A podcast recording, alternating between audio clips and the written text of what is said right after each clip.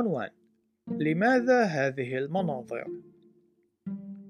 هل سبق لك ونظرت من النافذة أثناء ترحالك على الطرقات وفكرت في نفسك لماذا يوجد شيء ما عوضا عن عدم وجود أي شيء؟ إن كنت قد فعلت ذلك فأنت للتو قد قمت بالتفكير بسؤال قد أثار اهتمام الناس منذ فجر التاريخ بصرف النظر عن أي شيء.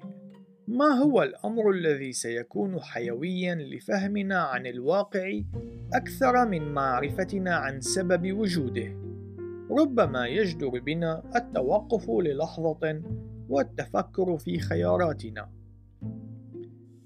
الخيار الأول كل شيء أتى من شيء ما. أولا يوجد تلك الفكرة القائلة بأن الأشياء موجودة لأنه لطالما وجد شيء ما بشكل أزلي وسواء كان هذا الشيء هو الإله الذي يدعي بوجوده الربوبيون التوراتيون أو أنه كان شيئا ما من العالم الطبيعي كما يدعي الملحدون فإنه يعمل بوصفه المسبب الذي لا مسبب له لجميع الأشياء الموجودة في يومنا راهن.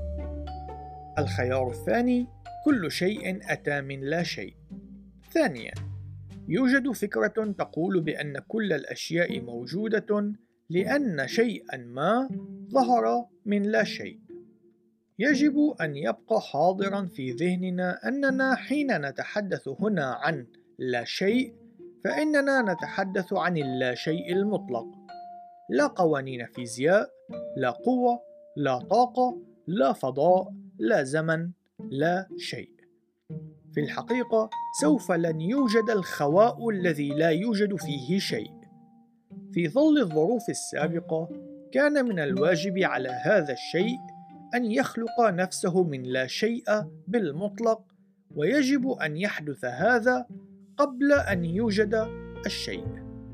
بالنظر إلى معقولية الخيارات المتاحة أمامنا، يبدو أن الخيار العقلاني الوحيد هو الاعتقاد بأن شيئا ما لطالما كان موجودا.